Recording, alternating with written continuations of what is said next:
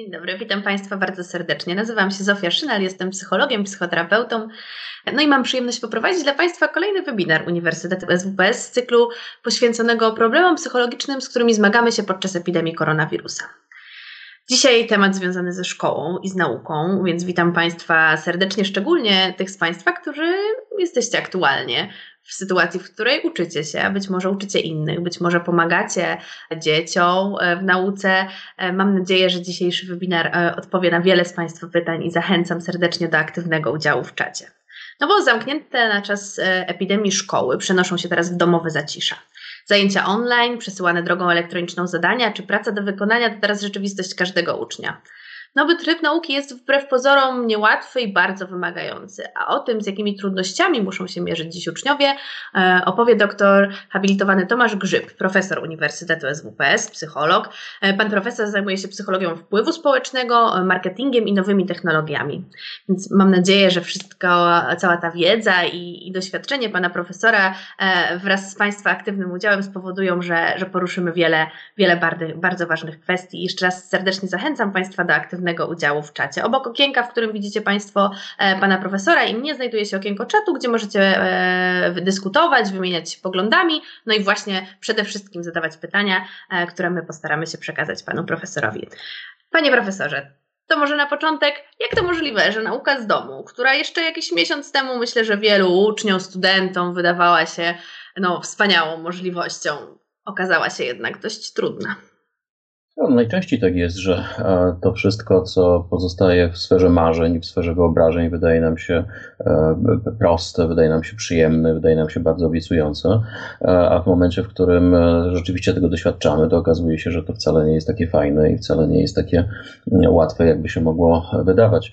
Ja może rozpocznę od tego, że się z Państwem przywitam. Dostałem informację, że jest Państwa jakaś ogromna liczba na, na czacie i to świetnie. Ja się bardzo cieszę, że, że, że, że chcemy się spotkać E, niestety nie mogę Państwa wszystkich zobaczyć, co jest dla mnie potwornym problemem. Zresztą to jest pierwszy problem, którego ja doświadczam w edukacji zdalnej. Sam prowadzę zajęcia i to, że nie mogę patrzeć w twarze studentów e, i, i studentek i nie mogę e, dostrzegać w ich grymasach informacji zwrotnej o tym, czy opowiadam głupoty, czy raczej coś, co jest dla nich ciekawego, no to jest bardzo, bardzo poważny problem. A wracając do Pani pytania, chciałbym zwrócić uwagę na jedną rzecz, którą Pani powiedziała.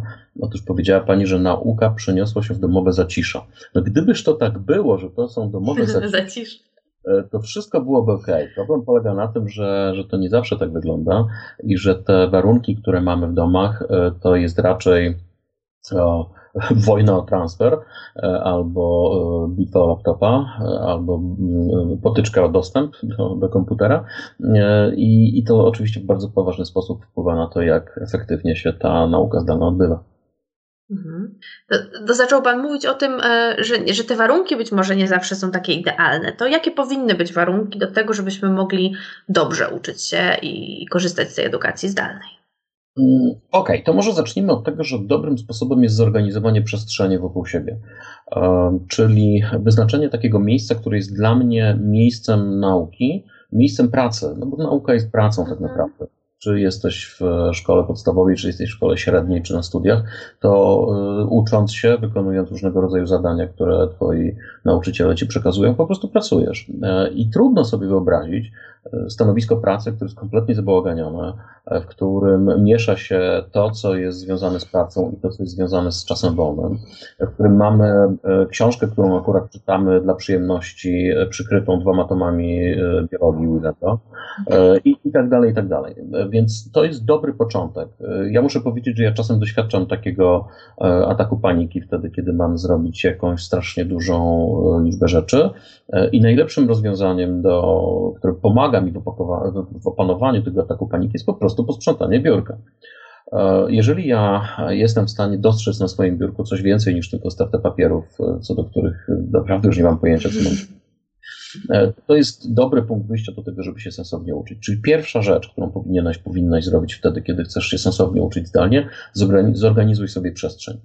E, czyli porządek na biurku, czyli e, nie miej w głowie strachu przed tym, co zobaczy twój nauczyciel wtedy, kiedy się z nim połączysz e, i, i za sobą będziesz miał plakać z nową panią albo z death metalowym zespołem albo z czymś w tym rodzaju, czego akurat nie chcesz wszystkim udostępniać. Ja akurat, jak pewnie Państwo widzą, korzystam z rozmytego tła. Chętnie spotkałbym się z kimś, kto to rozmyte tło wymyślił, uściskał mu serdecznie rękę, oczywiście w rękawiczce, bo to jest rzecz, która mi na przykład znacząco pomaga fakt, że muszę się przejmować tym, co jest za moimi plecami, a jednocześnie koncentrować na tym, co mam zrobić, no to jest zawsze dosyć, dosyć problematyczna rzecz. I, I, pamiętajmy, że takich dystraktorów w domu jest po prostu strasznie dużo. Im mniej ich będziemy mieli, tym, tym lepiej. I ostatnia rzecz związana z tym organizowaniem przestrzeni. E, organizowaniem przestrzeni jest także ustalenie pewnych reguł w domu. Co to znaczy? To mhm. znaczy, że y, ja, kiedy zaczynam swoje wykłady, ja akurat wykłady częściowo nagrywam, częściowo prowadzę na żywo e, przez sieć, to wywieszam na moich drzwiach taką wywieszkę z napisem e, uwaga nagranie. I to jest dla moich dzieci sygnał, żeby wtedy akurat może nie grać berka, nie rzucać piłką, e, nie krzyczeć na siebie przesadnie, e, bo po prostu ojciec pracuje i powinien mieć pewne warunki do pracy. E, wtedy, kiedy moje dzieci muszą wykonywać dokładnie te same rzeczy, no to oczywiście ja pilnuję się, żeby w tym czasie nie krzyczeć na głos albo nie wyśpiewywać gromkim głosem arii operowych, gdybym je tylko oczywiście potrafił wyśpiewywać. Mhm. Także formą zorganizowania przestrzeni jest po prostu dogadanie się z domownikami, kiedy ja mam czas, e, kiedy ty tego czasu potrzebujesz. E, to oczywiście nas obliguje do bardzo poważnych e, rozmów, ustalania pewnych rzeczy, ale okej, okay, ta sytuacja koronawirusowa nie jest dla nas przyjemna. Ja będę namawiał, żeby z każdej z nieprzyjemnych sytuacji wyciągać coś dobrego. Jeżeli nauczymy się dogadywać, jeżeli nauczymy się w sensowny sposób zarządzać swoim czasem, porozumiewać z ludźmi w naszym własnym domu, no to będzie duży sukces. Czyli jak dobrze rozumiem, to, to szczególnie ważne, za szczególnie ważne uważałby Pan przede wszystkim porządek na biurku i jakoś wokół siebie i, i zadbanie o swój komfort i ustalenie z domownikami pewnych e, norm, pewnych reguł odnośnie tego, e, czego ja do tej pracy potrzebuję. Powiedział Pan o tym, mm, jak Pan to robi, że u siebie w domu wywiesza Pan karteczkę, że trwa nagranie i to działa w dwie strony i to jest na pewno świetny sposób, e, ale zastanawiam się, czy, czy miałby Pan jeszcze jakieś inne. No to jest Pana sposób. Czy może jeszcze coś innego Pan powiedzieć uczestnikom? Jakie jeszcze są E, ważne aspekty. Wyobrażam sobie, że na przykład dostęp do tego sprzętu, który jest niezbędny, tak? do internetu, do komputera, do być może, nie wiem, głośników, słuchawek, e, że to też jest ważne, żeby sobie to zorganizować dobrze. Okej, okay, to jest oczywiste, że musisz mieć pewne podstawowe warunki. I tu chcę powiedzieć o czymś, co jest dla mnie bardzo smutne, ale no nie mogę o tym nie powiedzieć. To, to, to, to, nie jest do końca rzecz związana z naszym e, dzisiejszym spotkaniem, bo my mamy mówić o pewnych e, radach, o, o pewnych rozwiązaniach, ale chcę bardzo wyraźnie powiedzieć, że największym problemem, który mamy z nauczaniem zdalnym teraz w, w, w naszym kraju, jest to, że problemy z nauczaniem zdalnym dotykają w największym stopniu tych młodych ludzi, którzy już i tak mogli mieć pewne problemy z nauką. E, bo zauważmy, że zwłaszcza na młodszym etapie edukacji, mówię o szkole podstawowej, czy na przykład szkole, czy początkach szkoły średniej, mm, zaangażowanie rodziców jest pomimo wszystko jakoś istotne. E, tak. Ja mam trójkę dzieci. E, wiem, że moje dzieci są dosyć dobrze przygotowane do funkcjonowania w przestrzeni internetowej, ale jeżeli patrzę na moje najmłodsze dziecko, czyli na mojego ośmioletniego syna, no to on nie jest w stanie wykonać samodzielnie zadania, E, zrobić skanu tego zadania i wysłać do swojej nauczycielki. To po prostu nie jest, nie jest jego poziom kompetencji cyfrowych e, i to nie jest oczywiście jego, jego wina. Więc chcę to zastrzeżenie uczynić, że to jest największy problem, który teraz mamy i też apel być może do, do młodych ludzi, którzy y, widzą wokół siebie e, takie osoby, które mogą mieć problem. Jasne, nie możemy do nich podejść i udzielić korepetycji mm. z gauta, bo nie mamy takiej technicznej możliwości, ale jeżeli mamy poczucie, że wokół nas jest ktoś, kto takiej pomocy potrzebuje, moja koleżanka, mój kolega, który okej, okay, no może nie ma takich doskonałych kompetencji cyfrowych jak ja, nie potrafi sobie radzić z tym tak dobrze, jak ja to robię, to nie jest specjalny problem, żeby do niego napisać, powiedzieć, słuchaj, jak będziesz miał kłopot, napisz do mnie. Spotkajmy się na Hangoucie, spotkajmy się na Skype'ie, spotkajmy się w jakimkolwiek innym komunikatorze internetowym, udostępnij mi twój ekran, ja ci powiem, jak to możesz zrobić. I już, pomagajmy sobie nawzajem, bo to jest rzecz, która E, która z całą pewnością e, zostanie z nami. E, wszystkie badania dotyczące tego, jak sobie ludzie radzą w sytuacjach stresowych, pokazują, że jednym z kluczowych elementów jest poczucie wsparcia społecznego, czyli poczucie tego, że jest dookoła mnie ktoś, to w razie czego mi pomoże. To w razie czego właśnie nadeszło. Mm. Jeśli potrafisz pomóc, po prostu tym ludziom, e, po prostu tym ludziom pomagaj. E, a ta przestrzeń, e, no oczywiście jest także związana z takimi technicznymi rzeczami i rzadko kto w naszych domach ma szansę na to, żeby każdy miał swojego laptopa i każdy miał swoje, swoją całą masę sprzętu, która jest potrzebna do edukacji zdalnej i to tym bardziej wymaga od nas pewnych negocjacji. Mm -hmm oceniamy, ile potrzebujemy godzin, godzin dziennie kontaktu z, z komputerem, e, sprawdzamy, jak zrobić to w sposób możliwie najmniej e, kłopotliwy dla moich pozostałych domowników i po prostu zaczynam w ten sposób pracować. Teraz trochę zabrzmi jak dziadek Barnaba, ale kiedy ja zaczynałem swoje studia, to e, na Uniwersytecie Adama Mickiewicza, gdzie wtedy studiowałem w Poznaniu, miałem po prostu tak zwany czas komputerowy. To nie było tak, droga młodzieży, że mogłeś się skontaktować z internetem i z całym światem wtedy, kiedy chciałeś. Nie, po prostu uniwersytet wyznaczył ci twój czas komputerowy. Mój, jeśli dobrze pamiętam, wypadał w piątki pomiędzy godziną 18 a 20, co siłą rzeczy sprawiało, że niespecjalnie z niego korzystałem, bo miałem wtedy inne ciekawe rzeczy do zrobienia, ale tak to kiedyś wyglądało. Więc być może trzeba do takiego e, sposobu negocjowania czasu komputerowego odrobinę wrócić. Hmm. Pewnie teraz tej przestrzeni do negocjacji, znaczy pole do negocjacji jest bardzo dużo, bo często też te sprzęty, które do tej pory służyły być może rozrywce tylko e, albo były używane raz na jakiś czas, okazuje się, że są potrzebne i tacie do pracy z domu, i mi do nauki, e, i jeszcze starszej siostrze na zajęcia, więc to pewnie dużo jest takich rzeczy. E, panie profesorze, są takie pytania z czatu, co zrobić, kiedy rodzice nie rozumieją i wchodzą nam do pokoju, pytają, czy chcielibyśmy jeszcze herbatki, a może jabłuszko, takich momentach, kiedy my się uczymy, kiedy mamy Skype'a, czy, czy mógłby Pan podpowiedzieć pewnie młodym osobom, w jaki sposób mogą tutaj jakoś postawić granice, czy jak to dogadać z rodzicami, żeby czuć się komfortowo? Mhm. Myślę, że nic nie zadziała lepiej niż normalna, sensowna rozmowa, w której siadamy z moim ojcem, z moją matką i mówimy tak: Mamo, tato, od tej do tej godziny będę potrzebował spokoju. Co oznacza, że chcę być sam w tym pokoju, e, mieć włączony komputer i jak najmniej, uwaga, możecie, moi drodzy, użyć słowa niskofrekwencyjnego, dystraktorów, czyli różnego rodzaju rozpraszaczy, które sprawiają, że uczy mi się gorzej, że e, w, po prostu mniej skutecznie odrabiam te zajęcia, które, które powinienem robić. Wiem, że chcesz dobrze, wiem, że chcesz mi przynieść jabłuszko, wiem, że chcesz mi przynieść e, herbatkę, e, ale wtedy akurat potrzebuję czegoś innego. Ja z chęcią wypiję z tobą herbatę, ale wypiję ją z tobą po tym, jak się skończę uczyć. Myślę, że to zadziała korzystnie i dla nas, y, mamo, i dla nas, tato, i dla tego mojego uczenia się. Umówmy się w ten sposób, że jeśli ja na moim pokoju, jeśli mam swój pokój, wywieszam wyraźny sygnał y, cisza, w środku pracują, to okej, okay, to to jest ten moment, w którym do, do tego pokoju się nie wchodzi, bo po prostu to będzie rzecz, która nam, e, która nam przeszkadza. Jestem zawsze przekonany, że można się dogadać, e, tylko trzeba zacząć rozmawiać.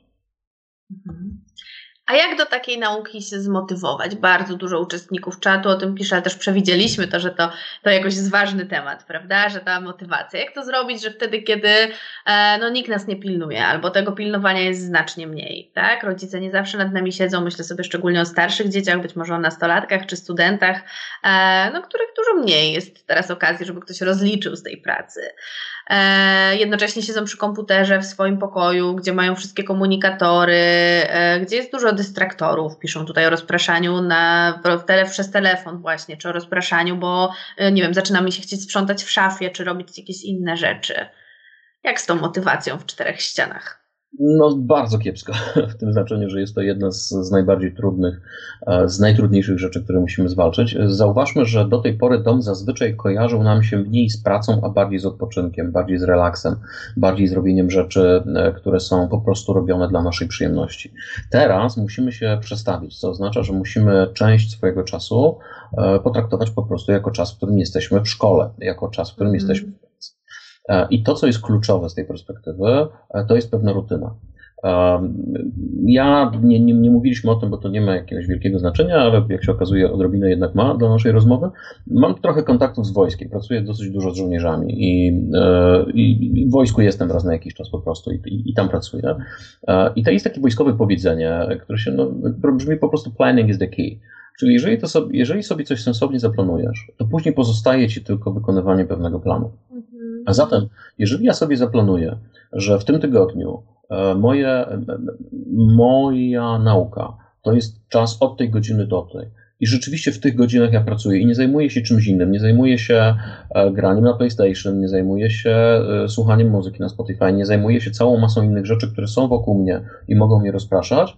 E, to mogę uznać, że jeżeli przez te kilka godzin będę pracował, to później będę miał czas na to, żeby robić te wszystkie mhm. rzeczy, których, których przez ten czas nie robiłem. A zatem traktujemy mm, zabawowe spędzanie czasu wolnego jako formę nagrody za to, co nam się udało zrobić. To jest w ogóle dosyć fajny system motywacyjny, kiedy ustalasz sobie, ok, jeżeli zrobię dwa rozdziały z, tej, e, z tego podręcznika i to jest mój plan na dzisiaj, to będę mógł przez 30 albo 40 minut pograć sobie w Call of Duty na PlayStation. Tak? Mhm jest dla mnie forma nagrody. Albo będę mógł e, posłuchać sobie muzyki e, i, i wyjść na spacer. E, oczywiście mówimy o, o takim spacerze, który jest w mało zaludnionych miejscach i, i oszczędnie bardzo nim gospodarujemy. A zatem zaczynamy siebie nagradzać, przy czym zaczynamy siebie nagradzać za wykonaną pracę, a nie za czas na nią poświęcony. Czyli nie, że przez 30 minut będę robił to, a później przez 20 to, tylko zrobię pewną porcję pracy, mhm. którą zrobiłem, a za to nagrodzę się jakąś formą przyjemnego spędzania czasu, um, która jest dla mnie w tym momencie najbardziej atrakcyjna. I taki system motywacyjny jest naprawdę, naprawdę sensowny. Druga rzecz, ja wiem, że my tego strasznie nie lubimy. E, wiem, że. Znaczy, ja myślę, że gdybym ja do siebie mówił 16-latka, e, to nie wiem, czy ja bym był w stanie w to uwierzyć, ale powiedzmy, że, że, że spróbuję. Naprawdę zaplanuj sobie, co chcesz, co chcesz zrobić w określonym czasie. Jeżeli jesteś w stanie to sobie zaplanować, jeżeli jesteś w stanie wydzielić sobie pracę, e, jeżeli jesteś w stanie ją na porcję sobie po, poustawiać, to dużo łatwiej będzie ci to zrobić. Jeśli dobrze pamiętam, to była postać, która pojawiała się w wichrowych wzgórzach um, sióstr. Tak? Czy ja dobrze pamiętam, że to siostry Brenty? Dobrze, być może ktoś na czacie mnie poprawi, kto napisał Wichrowe Wzgórza. Chyba Emily Brenty, ale nie wiem. E, w każdym razie, e, tam się pojawiała taka gosposia, która miała powiedzenie, że jeżeli czegoś nie zrobisz do godziny, inaczej, jeżeli twój plan dnia nie będzie w połowie zrealizowany do 10 rano, to znaczy, że już na pewno nie zdążysz go zrealizować. Ja może nie byłbym taki ostry, jeśli chodzi o tę dziesiątą, E, ale wyznaczmy sobie pewne ramy czasowe. Dlaczego? Dlatego, że bardzo łatwo jest w domu powiedzieć sobie, mam jeszcze dużo czasu. Tak. Mam sporo czasu, przecież nie muszę nigdzie wychodzić, nawet nie mogę nigdzie wychodzić, na pewno zdążę. Nie. Zapewniam, że nie. Są mhm. pewne e, psychologiczne dotyczące zarządzania czasem, pokazujące, że ludzie zawsze e, nie doszacowują ilości czasu, którą, którą muszą poświęcić na wykonywanie mhm. zadań. Więc ich są pod tym względem kompletnie niewyuczalni. Nawet jeżeli pewnego dnia, powiedzmy we wtorek, e, zaplanowali sobie, że wykonają, nie wiem, 10 zadań, wykonują 7 z nich, to to nie oznacza, że na środę zaplanują 7. Nie, znowu zaplanują 10 i znowu nie wykonają wszystkiego. A zatem to są rzeczy, z którymi musimy walczyć i ta motywacja, podkreślę, wewnętrzna jest tutaj absolutnie kluczowa. Mhm. Czyli zdecydowanie raczej zalecałby Pan, żeby telefon komórkowy z komunikatorami wszelkiego rodzaju, czy Facebooka, mimo tego, że jest na tym samym komputerze, na którym pracujemy na czas pracy, jednak odstawić, wyłączyć? Absolutnie tak. To znaczy, jeżeli mamy do wykonania jakąś konkretną pracę, to każda z rzeczy, która jest obok mnie, będzie dla mnie dystraktorem. Mówiliśmy o tym, że dystraktorem jest e, e, zabawa gonione biurko, bo jest bo siedzisz przy e, ekranie komputera, ale jednocześnie masz, okej, okay, przyznam się, jakąś jedną kartkę, jakiś dysk twardy, e, zszywacz i całą masę różnych innych rzeczy. I to jest kłopot, dlatego że jeżeli popatrzysz na to swoje biurko, to ono zaczyna się w pewnym momencie irytować i zaczynasz myśleć, kurczę, mógłbym posprzątać to biurko. Z tym, że ta irytująca myśl o tym sprzątaniu biurka powraca do ciebie i jest kolejnym dystraktorem, z którym ty musisz walczyć. Więc najpierw poodrzucaj te wszystkie rzeczy, które ci odciągają od pracy, poodrzucaj te wszystkie rzeczy, które ci przeszkadzają w skupieniu się na tym, co masz, y, co masz do zrobienia i dopiero wtedy zajmij się tą robotą. Zwłaszcza, że im zadanie jest trudniejsze, tym większą mamy tendencję do tak zwanego samoutrudniania. Czyli jeżeli mamy do wykonania jakąś trudną rzecz, to zaczynają włączać się takie e, mechanizmy obronne ego, e, które polegają na tym, że wolimy coś zawalić, wolimy mhm jakieś zadanie, niż poświęcić na to tyle pracy, ile powinniśmy. W praktyce wygląda to tak, że siedzę przed komputerem, mam do zrobienia coś, co sprawia mi trudność. Wiem, że tak naprawdę, jeśli chciałbym się do tego sensownie zabrać, to powinienem przeczytać tę książkę, rozdział z tamtej i zadzwonić jeszcze do koleżanki, która się dużo bardziej zna na tym, ale mhm. jednocześnie strzegam, że obok mnie są strasznie brudne okna. No i naprawdę to życie z tymi brudnymi oknami wydaje mi się tak nieznośne, że najpierw muszę je umyć, później okazuje się, że za mało mam czasu, żeby wykonać to zadanie, do którego jestem e, przypisany, czy które powinienem wykonać. E, no i koniec końców wszystko to się kończy e, fatalną, fatalną klapą. A zatem dobrze jest to sobie zaplanować, podzielić to sobie na części, takie, które są, jak to Amerykanie mawiają, doable, czyli wykonalne w, w określonym czasie i według tego planu e, postępować, zwłaszcza, że nie ma nic przyjemniejszego i powiem to z własnego doświadczenia, niż zaznaczanie, że coś się zrobiło. Ok, tik, zrobione, tik, zrobione i w ten sposób czuję się wyinterpretowane i mam załatwioną sprawę. Mhm to wydaje się też e, szczególnie ważne w kontekście takiej porady, że, że jednak to jest taka dobra wskazówka. Możecie Państwo to wypróbować. Ja na pewno spróbuję, czyli nie branie pod uwagę czasu, który jest mi potrzebny na wykonanie, czyli że przez trzy godziny będę się uczyć biologii, tylko raczej nauczenie się pewnej partii materiału. E, bo dzięki temu nie ma, jak będziemy przez te trzy godziny siedzieć i tak oglądać kwiatki za oknem, to nic z tego nie wyjdzie. E, a jak będziemy mieli konkretne zadanie do zrobienia, to, to, to, jest szansa, że zrobimy je nawet szybciej, będziemy mieli więcej czasu na przyjemności wtedy. Czy tak można do tego podejść? Okej, okay, droga młodzieży, proszę nie chwalić się tym, e, tym przykładem. Umówmy się, że teraz właśnie rodzice tego nie słyszą, e, ale kiedyś parkieciarze, ludzie, którzy układali parkiety, e, mieli bardzo sprytny system motywacyjny, który polegał na tym, że w najdalszym rogu pomieszczenia którym mieli e, ułożyć ten pakiet, stawiali pół litra alkoholu. Tak? Wy sobie tutaj możecie podłożyć to, co najbardziej lubicie, bo oczywiście nie pijacie alkoholu, bo jesteście grzecznymi młodymi ludźmi. Ale wyobraźmy sobie, że coś tam sobie stawiali. I teraz okazywało się, że robota im się po prostu w rękach paliła w tej sytuacji. Dlatego, że mieli pewien cel, dlatego, że mieli rzecz, do której chcieli dążyć e, i oczywiście musieli wykonać tę pracę we właściwy sposób, żeby otrzymać tę nagrodę. Jeżeli powiedzieliby sobie, że będę mógł odkorkować tę buteleczkę za dwie godziny, to mogę stawiać dolary przeciwko orzechom, że ten pokój nie byłby skończony w ciągu tych godzin. I bardzo podobnie my funkcjonujemy. Jeżeli sobie powiem, jak przerobię ten materiał i odpowiem na pytania, które pod koniec tego rozdziału się znajdują, w, takiej części sprawdź siebie, czy jak się ona tam nazywa we współczesnych podręcznikach. I jeżeli odpowiem na te pytania poprawnie i będę zadowolony z tego, jak na te pytania odpowiedziałem, wtedy mam prawo do tego, żeby na przykład znowu odwołam się do moich ulubionych hobby, czyli pograć sobie na PlayStation. E, jeśli nie, sorry Gregory, nie możesz tego wykonać, musisz tak długo się uczyć, e, aż się w końcu, e, aż się w końcu nauczysz. I tym sposobem odpowiedział Pan właśnie na kolejne pytanie, czyli dlaczego w zasadzie wynagradzać się za efekt, a nie za poświęcony czas? I dlaczego to ma takie e, znaczenie ale rozwinę to, dobra? Jeśli Aha, pewnie, to widać, że to naszych uczestników bardzo interesuje, bo jest e, dużo pytań. Dlatego, że e, tak naprawdę można pójść dalej i, i, wynagradzać się oczywiście za efekt, ale także za zaangażowanie w pewną procedurę. Otóż są takie fajne badania, które przeprowadził Bob Cialdini, jeden z najwybitniejszych e, współczesnych psychologów zajmujących się wpływem społecznym, w, którym, w których to sprawdzał, jak e, ludzie angażują się w dietę. E, I badania polegały na tym, że ludzie byli informowani, że mają przez jakiś czas trzymać dietę, po czym e, po powiedzmy kilku tygodniach mają przyjść na ważenie. W trakcie tego ważenia e, otrzymywali informacje, muszą przyjść na to ważenie na czczo. Nie mogą nic rano zjeść, dlatego że chodzi o to, żeby ta waga była właściwie tam skalibrowana i tak dalej, i tak dalej. Kiedy ludzie przychodzili, ważono ich i mówiono im, ogromna większość z nich rzeczywiście chudła, i mówiono im gratulacje, schudłeś, Gratulujemy Ci, i właśnie jednej grupie mówiono, gratulujemy Ci Twojego zaangażowania w dietę, a drugiej grupie mówiono, gratulujemy Ci efektu, jaki osiągnąłeś, schudłeś aż tyle i tyle. Mhm. Mówiono, e, ok, e, dziękujemy za przyjście na ważenie, teraz możecie już iść do domu, ale wiemy, że e, musieliście przyjść tutaj na czczo, w związku z tym przygotowaliśmy taki drobny poczęstunek. I przy wyjściu możecie sobie wziąć, co tam macie, na co macie ochotę. I po jednej stronie były jabłka, w, w misce, a po drugiej stronie były czekoladowe batoniki.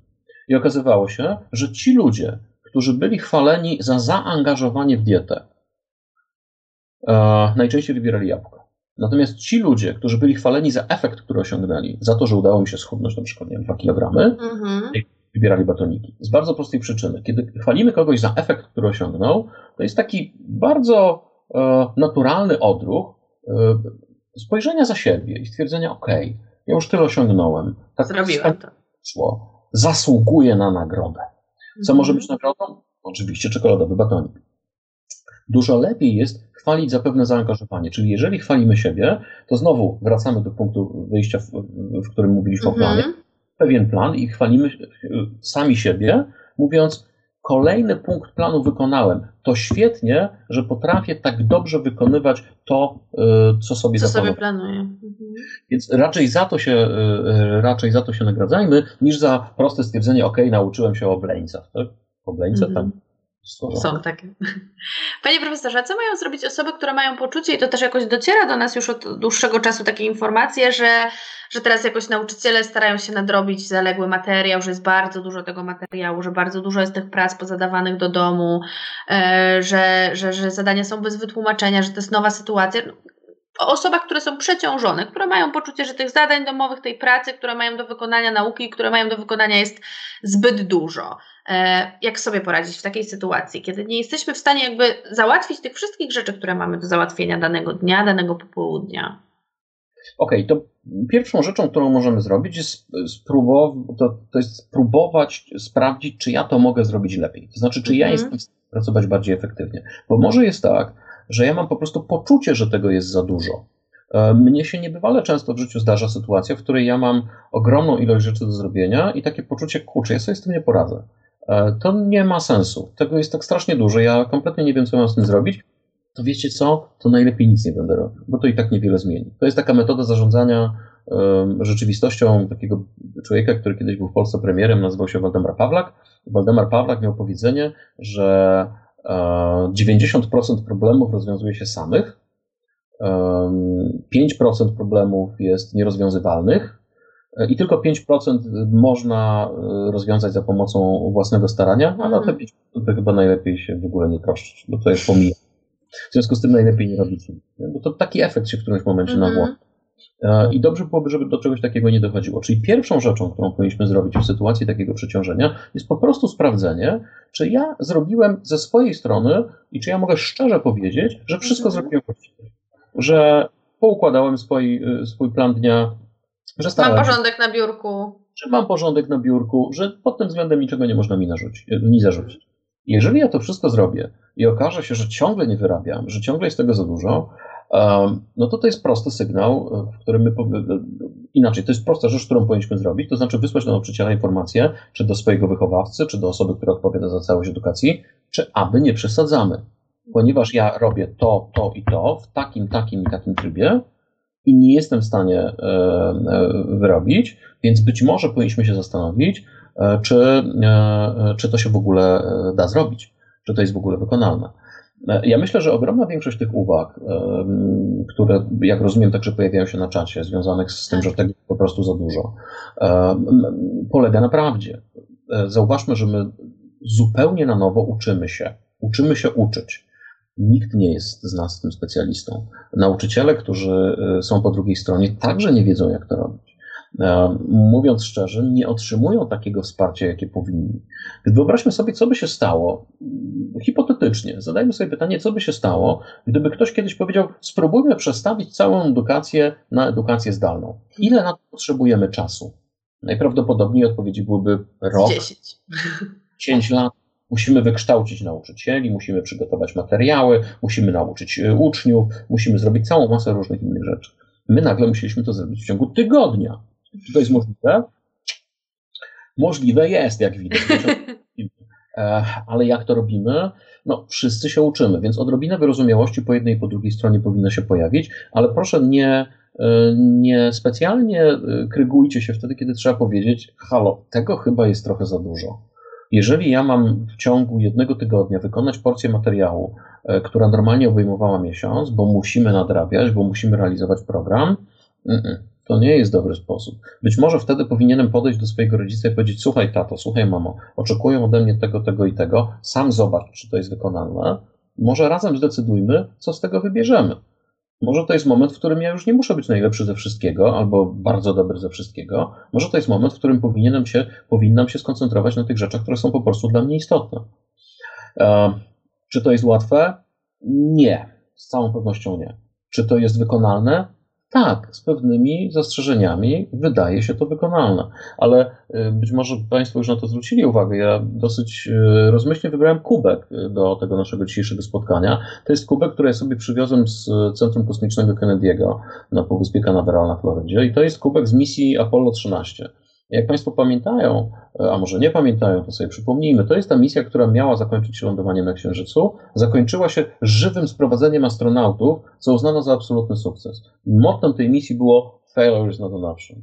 Zatem porażka w pewnych sytuacjach nie wchodzi w grę. I myślę, że trochę w takiej sytuacji się znaleźliśmy teraz. Powinniśmy robić wszystko, żeby z tej trudnej, nowej, bardzo obciążającej dla nas wszystkich sytuacji wyciągnąć po prostu jak najwięcej dobrego. Czy da się zrobić wszystko? Nie, prawdopodobnie nie polecimy na księżyc, ale być może nauczymy się czegoś sensownego i to już będzie jakiś sukces. Panie profesorze, uczestnicy czatu chcieliby wiedzieć, jak to wygląda z drugiej strony, z Pana perspektywy. Czy mógłby Pan opowiedzieć o wrażeniach z e-learningu jako prowadzący? Ponoć wielu studentów jest bardzo ciekawych, jak to wygląda z drugiej strony. Okej, okay, e, no to dobrze, trochę, trochę uchylę rąbka tajemnicy. My się do tego przez pewien czas przygotowywaliśmy e, i e, moja pani dziekan, pani profesor Katarzyna Berka uczyniła mnie takim koordynatorem zespołu do spraw edukacji zdalnej. To znaczy, ja miałem e, mm, być e, osobą zarządzającą, no może trochę za dużo powiedziane, koordynującą pracę takiego zespołu, który pomagał innym uczyć się w sposób błyskawiczny, jak uczyć innych, czyli uczyć się środowiska Google Classroom, czyli uczyć się Hangouta. E, no tam dużo do nauki nie ma, ale powiedzmy sobie, że trzeba pewnych rzeczy się, się wyuczyć po prostu. I muszę powiedzieć, że bardzo mnie ujęła e, motywacja mojej pani dziekan, która do mnie zadzwoniła i powiedziała: Słuchaj, e, chciałabym, żebyś to ty to robił, bo w tobie widzę jakieś elementy optymizmu. I to mnie bardzo ujęło. Y, ja nie jestem optymistą, tak bym to określił, życiowym. Raczej, ra, raczej bym się tak nie określił. No ale jeśli inni dostrzegają jakieś elementy optymizmu, to, y, to dobrze.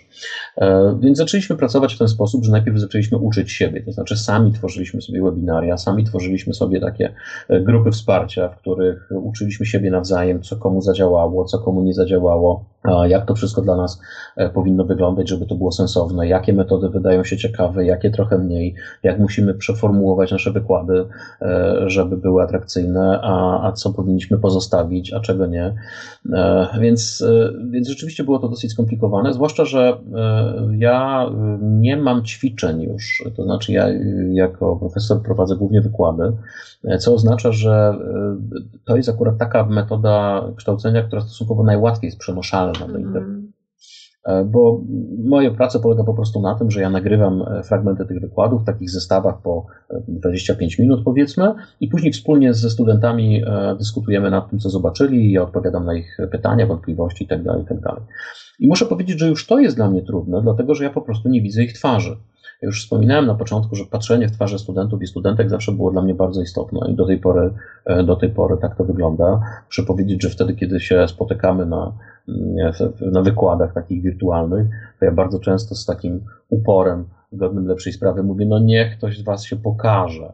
Niech ktoś z was pokaże swoją kamerę, żebym widział kogoś, żebym nie widział tylko tych literek, e, które, które oznaczają e, inicjał waszego, waszego imienia. I oczywiście to jest, e, to jest o tyle miłe, że, że zawsze wtedy ktoś się zgłasza i mówi: Jestem tutaj, jestem. Nie pytam, bo nie mam żadnych pytań, ale jestem, niech się nie przyjmuje. Więc to są fajne, fajne rzeczy. Fajne są także rzeczy, w których, e, w których otrzymujemy sygnały od naszych studentów, że oni widzą, że my się staramy. E, widzą, że to dla nas też jest trudne, widzą, że to dla nas też bywa kłopotliwe, no i po prostu musimy sobie jakoś z tym radzić. A czasami otrzymujemy oczywiście takie informacje dosyć zabawne. Ja mam taką tradycję, że na swoich wykładach proszę studentów o to, żeby e, zanim rozpoczniemy wykład, żeby opowiedzieli o tym, co im się ostatnio dobrego przytrafiło. No i oni mówią o tym, co było fajnego, ostatnio co im się udało zrobić. Ostatnio jedna ze studentek się chwaliła tym, że, że sprzedała swój pierwszy obraz w życiu, co, co jest, wyobrażam sobie, Aha. dla artysty absolutnie wyjątkowym momentem. Ale jedna ze studentek napisała, że e, ona e, bardzo się cieszy z tego, że może oglądać moje wykłady w piżamie. I to też jest jakaś motywacja, choć poprosiłem, żeby jednak nie opowiadać mi o tym, w jakim stroju, co, co mają na sobie studenci, którzy oglądają moje wykłady, bo myślę, że to jest pewna cienka granica, której nie powinniśmy przekraczać. Więc podsumowując, jasne, to też jest dla nas trudne. My się też tutaj wielu rzeczy uczymy, ale chcę, żebyście wszyscy wiedzieli, żebyście to bardzo mocno zapamiętali, że my strasznie za wami tęsknimy że, że my bardzo czekamy na moment, w którym będziemy mogli się znowu spotkać, że w którym będziemy mogli znowu poopowiadać o tym, może się pokłócić nawet na, na, na wykładzie wtedy, kiedy ja opowiem rzecz, która dla kogoś będzie, będzie niewłaściwa, ale, ale naprawdę tęsknimy za, za, za widokiem drugiego człowieka. E, jest piękne zdjęcie, które gdzieś tam znalazłem w sieci takiego mm, starszego już naukowca, e, wykładowca akademickiego ze Stanów Zjednoczonych, który po raz pierwszy musiał poprowadzić taki wykład zdalny i nie mógł tego zrobić nie patrząc w czyjeś oczy, w związku z tym postawił lalkę przed sobą. I to jest w ogóle fascynujące, że on siedzi przed kamerką, ale za tą kamerą jest lalka, która na niego patrzy. I to jest metaforyczne oczywiście ujęcie, ale my tak bardzo za wami tęsknimy, że nawet sobie lalki czasami będziemy stawiali, żeby, żeby w czyjeś oczy popatrzeć.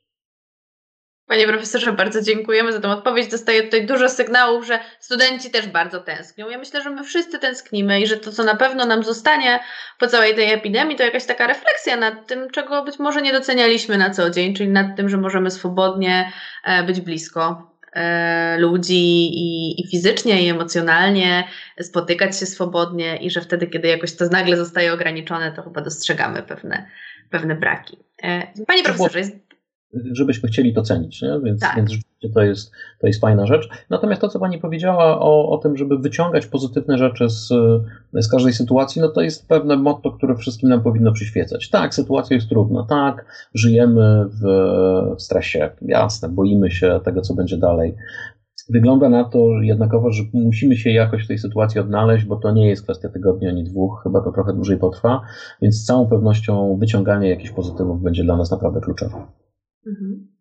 E, panie profesorze, bardzo dużo pytań na czacie dotyczy też tego, co sprzyja, a co nie sprzyja naszej koncentracji. Czy na przykład e, pora dnia ma znaczenie? No, wyobrażam sobie, że skoro jest taka walka o sprzęt o, o, o, o w domu, no to może na przykład w nocy można by było się pouczyć. Co pan o tym myśli? Okej, okay. która jest godzina 37 minuta naszej rozmowy, więc stosunkowo późno padnie ulubiona odpowiedź wszystkich psychologów, to znaczy to zależy. to, to rzeczywiście zależy. E, zależy od, od naszego indywidualnego e, trybu funkcjonowania. Ja na przykład funkcjonuję lepiej rano. E, ja czasami jak bywam zapraszany na przykład do mediów po godzinie 21, to mówię, nie, nie, nie, to, to jest absolutnie wykluczone, bo ja będę opowiadał głupoty o tej porze. Ja oczywiście mogę się z kimś umówić na wino albo na piwo i sobie porozmawiać o literaturze albo o, o, o tym, co ostatnio ciekawego zrobiliśmy, ale rozmowa o nauce, o tej, o tej godzinie wydaje mi się zawsze dosyć, dosyć kłopotliwa. Natomiast są ludzie, którzy funkcjonują w dokładnie przeciwny sposób.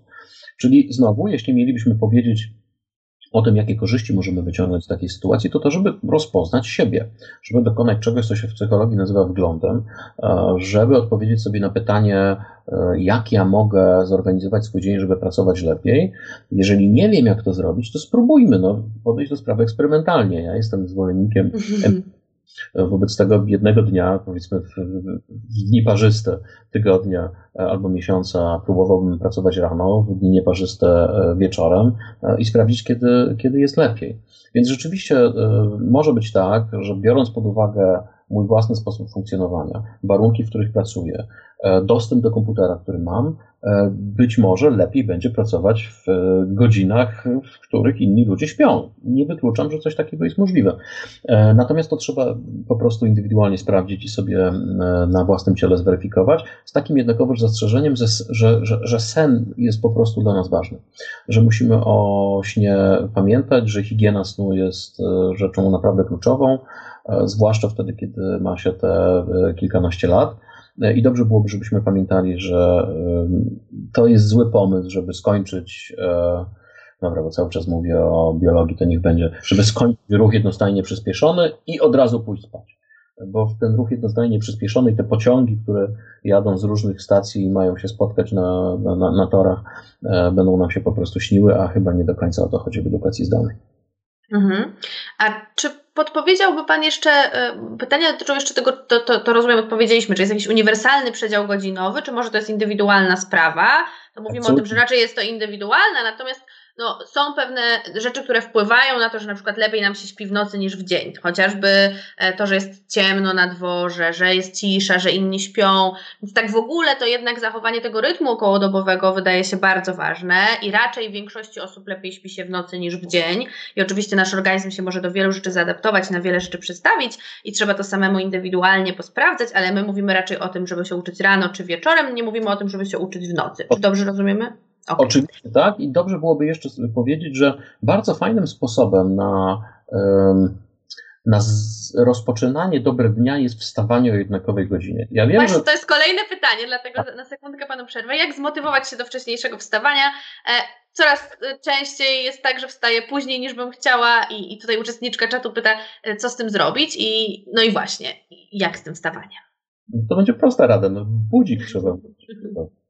Ja, ja wiem, że to jest trudno się zmotywować do tego, żeby rano wstać, e, zwłaszcza wtedy, kiedy nie mamy tego e, bardzo wyraźnego planu, e, planu dnia i, i nie mamy bardzo wyraźnie określonych celów, które mamy każdego dnia wykonać. Ale jeżeli będziemy w stanie sobie ten dzień zaplanować, to, to naprawdę wstanie o siódmej nie jest specjalnym problemem. Zwłaszcza jeśli, i tutaj zachęcam także, zwłaszcza młodych ludzi do tego, jeżeli mogę rozpocząć ten dzień na przykład od biegania. E, ja tak robię trzy razy w tygodniu. Wiem, że nie widać, ale okej, okay, może kiedyś zacznie być widać, zobaczymy. E, I, e, ale to jest naprawdę fascynujący sposób. Wstajesz rano, wstajesz o siódmej, coś tam sobie przegryziesz, albo nie, zależy, czy wolisz biegać z pustym żołądkiem, czy nie, i idziesz na 30 minut, żeby pobiegać. Po czym wracasz i masz tą naprawdę głęboką satysfakcję, że pewna rzecz już jest za tobą że pewna rzecz, do której trudno się zmusić, nagle okazała się być wykonalna. E, I oczywiście możesz wtedy powiedzieć, OK, to teraz już nic się nie liczy i teraz będę się obijał przez cały dzień, ale przecież nie o to nam chodzi. Chodzi raczej o to, żeby potraktować ten poranny bieg, czy cokolwiek innego. To nie musi być bieganie, to może być wyjście z psem, to może być mhm. jakakolwiek forma innej aktywności. E, jako pewien starter, jako pewien sensowny początek dnia, który będzie dobrym prognostykiem na wszystkie kolejne rzeczy, które tego dnia mamy wykonać. E, jeżeli zaczniemy od tego, to nam się uda zrobić dobrze, to z całą pewnością pójdzie lepiej. Jest taki fajny, nie podam nazwy tej aplikacji, ale e, taka fajna aplikacja w, w, w smartfonach, e, która z grubsza polega na tym, że po każdym wykonanym, po każdej wykonanej czynności, którą sobie zaplanowałeś, możesz sobie nacisnąć kolejne ogniwo łańcuszka.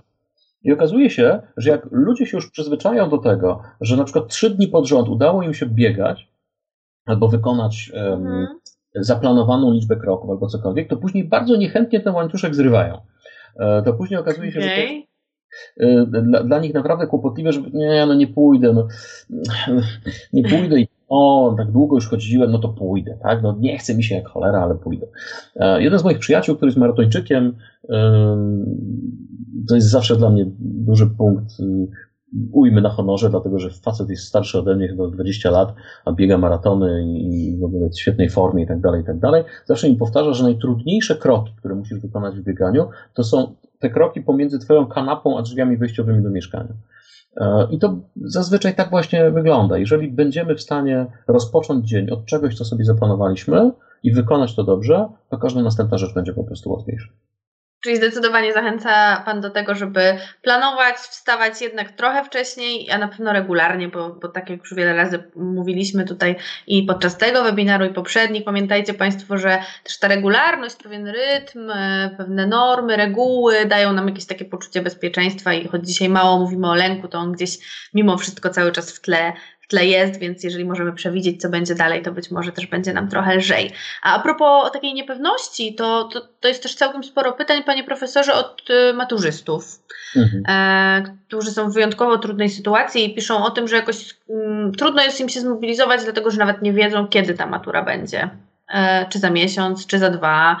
E, nie mają tej konkretnej daty, e, więc są, no, oprócz tego, że są w trudnej sytuacji nauki zdalnej, to jeszcze dodatkowo jakby ten bardzo ważny egzamin, który nie wiadomo kiedy się odbędzie. Absolutnie tak. Znaczy ja Wam serdecznie współczuję. Ja mam w domu ósmoklasistkę, E, która e, też ma mieć egzaminy, a nie bardzo wiadomo, jak to z tymi egzaminami ósmoklasistów będzie. E, one oczywiście są dużo mniej ważne niż egzamin maturalny, więc, więc to są sytuacje nieporównywalne, ale chcę bardzo wyraźnie podkreślić, serdecznie współczuję maturzystom, bo jesteście w trudnej sytuacji. Ale znowu, zadajmy sobie pytanie, co można z tej trudnej sytuacji wyciągnąć. Mm, po co się uczymy? Po co jest nam ta wiedza? Czy ona jest po to, żeby zdać dobrze maturę? Do pewnego stopnia tak. Dlatego, że e, dobrze zdana matura daje Wam dużo punktów, które później można przełożyć na lepsze studia i tak dalej, i tak. Ale ponieważ my nie bardzo wiemy, jak to w tym roku będzie i jak to będzie wszystko wyglądało od strony technicznej, to może trzeba zadać sobie inne pytanie. A może ja się uczę po to, że po prostu to ma sens? Że te rzeczy, których się uczę, jakoś zbliżają mnie na przykład do mojego wymarzonego kierunku studiów, na których będę musiał się, będę musiał, będę chciał pogłębiać tę wiedzę. Jeżeli myślisz o medycynie, to ten nieszczęsne obleńce i, i, i skorupiaki i, i, wszystkie działy biologii po prostu będą ci potrzebne, e, bo, bo jeśli nie zrozumiesz tego, jak e, działa heparyna u żyżownicy, no to trudno ci będzie zrozumieć zajęcia z e, współczesnej farmakologii. A zatem być może dobrze jest w tym momencie zamienić zewnętrzną motywację do nauki, bo to jest mimo wszystko jednak motywacja zewnętrzna. Uczę się po to, żeby dobrze zdać egzaminy. E, na motywację wewnętrzną. Uczę się dlatego, że to jest po prostu do pewnego stopnia chociaż ciekawe. I tutaj dochodzimy do, do, do kolejnego punktu, w którym trzeba sobie uświadomić, dlaczego to jest ciekawe. I teraz pozwólcie mi Państwo na pewną dygresję. Ja myślę, że to jest jedna z najbardziej zmarnowanych okazji, którą mamy, e, jeśli chodzi o nauczanie zdalne. Dlatego, że nauczanie zdalne jest z mojej perspektywy idealnym momentem, w którym można by zadać uczniom jako zadanie do wykonania próbę zastosowania tej wiedzy, której uczą się w szkole w praktyce. Czyli uczysz się fizyki i uczysz się o tym, jak działa dźwignia.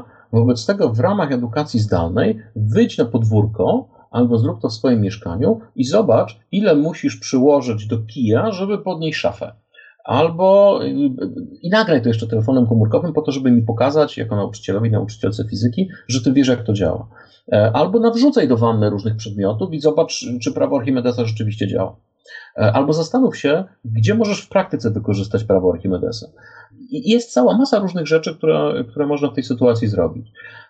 Moja córka e, otrzymała zadanie któregoś razu, w którym miała przygotować krótką pracę na temat tego, jak w jej wymarzonym zawodzie, który gdzieś tam sobie już wymyśliła, będzie można wykorzystać chemię.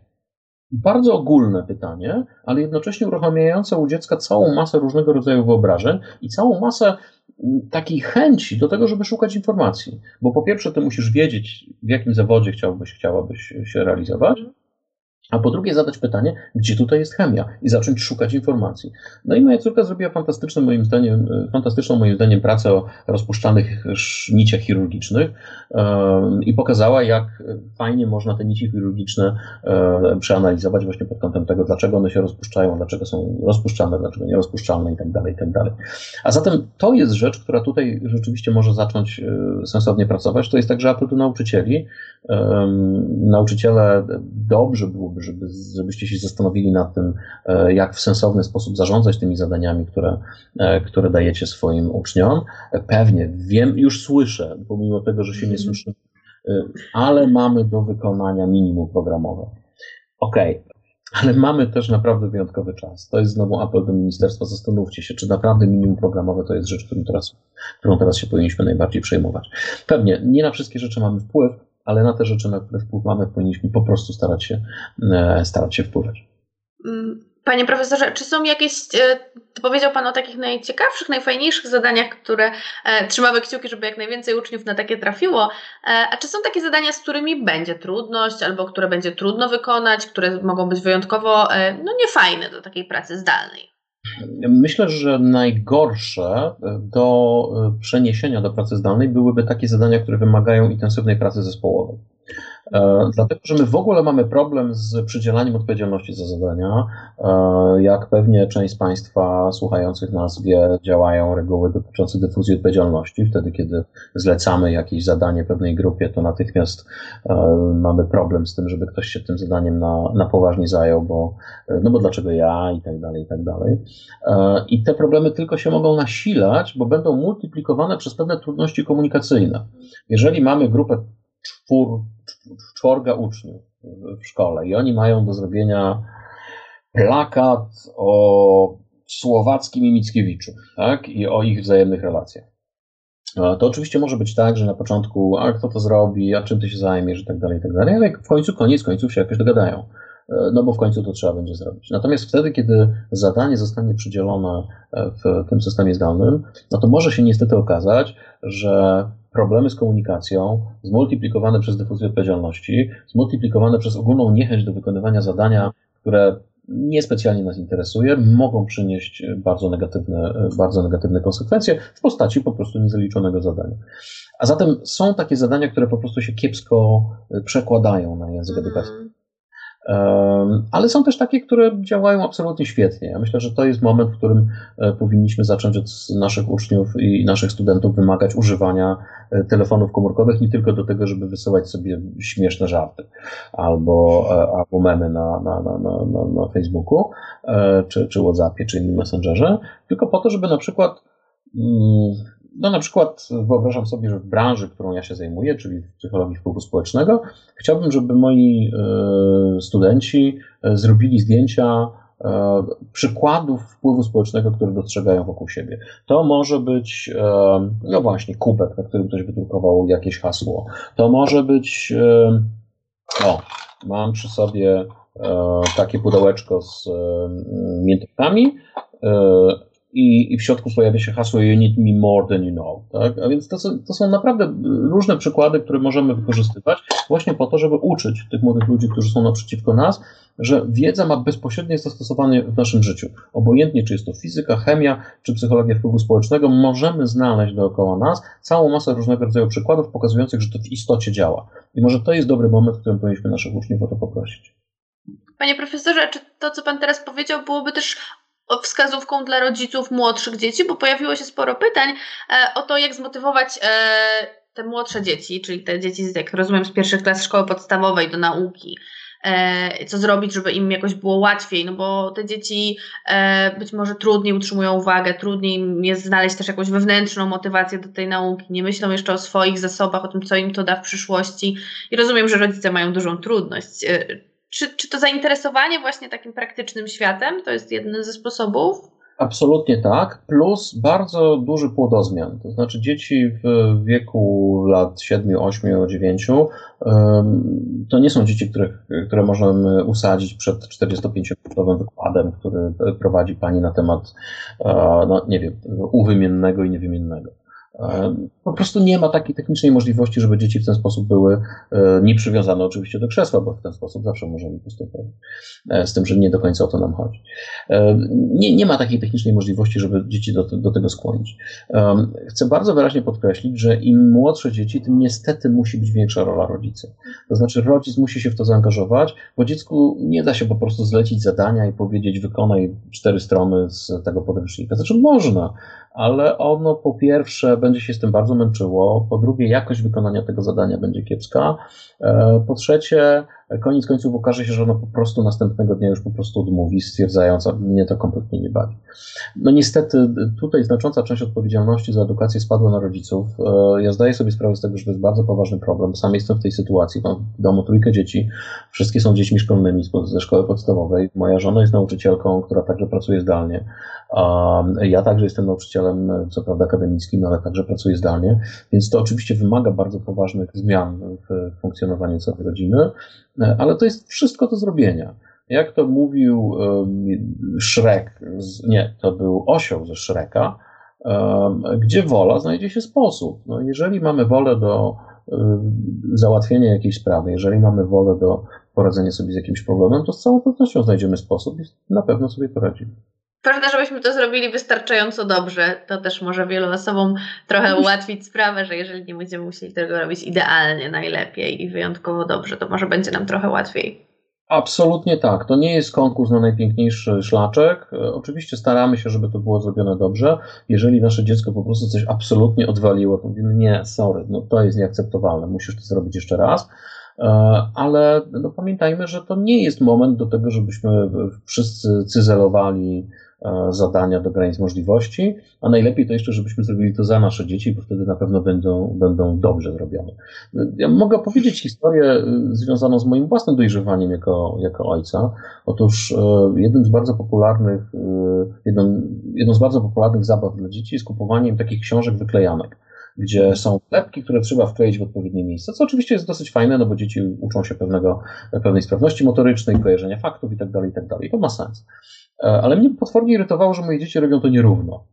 E, I, i, I naprawdę przez kilka, no, kilka dni, bez przesady, to nie były tygodnie, razem z tymi dziećmi biednymi moimi siedziałem i mówiłem, nie, nie, ale słuchaj, tu musisz, zobacz, tu jest linijka, tu równo musi być. Po czym zadałem sobie pytanie, stary, ale naprawdę o to ci chodzi?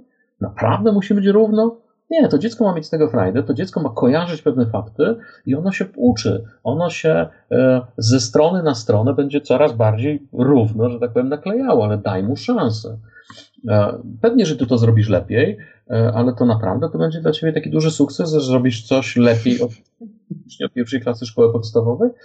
Raczej nie. Więc naprawdę dajmy dzieciom szansę do popełniania ich własnych błędów i to też nie jest dobry moment na to, żeby one były absolutnie doskonałe. Panie profesorze, mm, no nie mogłabym nie przekazać. E, jest taka prośba, takie pytanie od studentów, od uczniów, e, czy my, czy oni mogą w jakiś sposób pomóc wykładowcom, nauczycielom? Czy, czy uczniowie i studenci mogą coś robić, żeby w tej trudnej sytuacji e, to też coś zrobić dla swoich wykładowców, dla swoich nauczycieli? Sam fakt, że o to pytacie jest dla mnie naprawdę fajny i, bardzo się cieszę, że takie pytanie się pojawiło. To jest niebywale miłe, ale także niebywale odpowiedzialne z Waszej strony, bo Okej, okay, odpowiem takim, takim tekstem, który kiedyś widziałem w stajni. Otóż w miejscowości Morawa koło Strzegomia były takie duże stajnie, gdzie znalazłem taki napis, napisem zdrowy koń, szczęśliwy jeździec. E, I to trochę jest tak, że jak jest e, uśmiechnięty prowadzący, to i student będzie uśmiechnięty.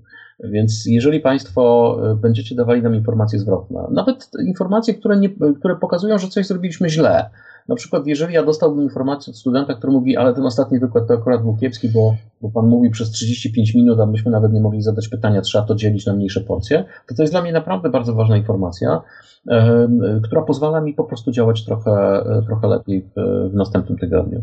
Więc kontaktujcie się z nami, dawajcie nam sygnały tego, że, że nas słuchacie. Jeżeli zadajemy wam pytanie, to odpowiadajcie na to pytanie.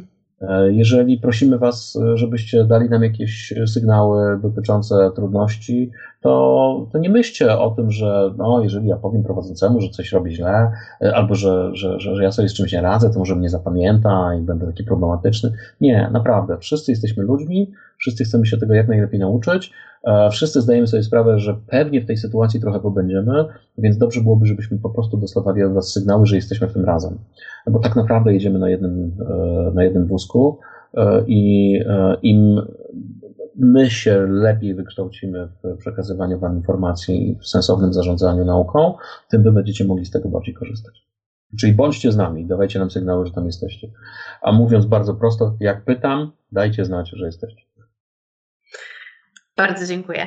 E, panie profesorze, jeszcze ostatnia rzecz, bo wiele osób bardzo by chciało wiedzieć, o jaka to aplikacja, o której Pan mówił, e, dotycząca tego przerywania łańcuszka.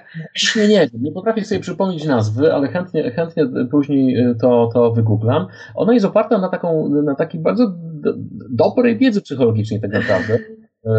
Reguła zaangażowania i konsekwencji, jedna z takich podstawowych reguł wpływu społecznego, która ciągle jest tak naprawdę na nas stosowana i sami ją, sami ją stosujemy. E, e, i naprawdę efektywna. E, nie przypominam sobie niestety nazwy tej aplikacji, ale coś tam było z łańcuchem, także jakiś chain, coś tam pewnie trzeba będzie tak pogooglać. Myślę, że się udają znaleźć. Trzymamy kciuki. Bardzo Panie Profesorze dziękuję. To była wielka przyjemność móc Pana spotkać, porozmawiać i też jakby aktywność uczestników na czacie dała nam taką możliwość. Także Państwu również bardzo, bardzo serdecznie dziękuję. No i do zobaczenia na kolejnym webinarze. Bardzo dziękuję. Dobrego wieczoru.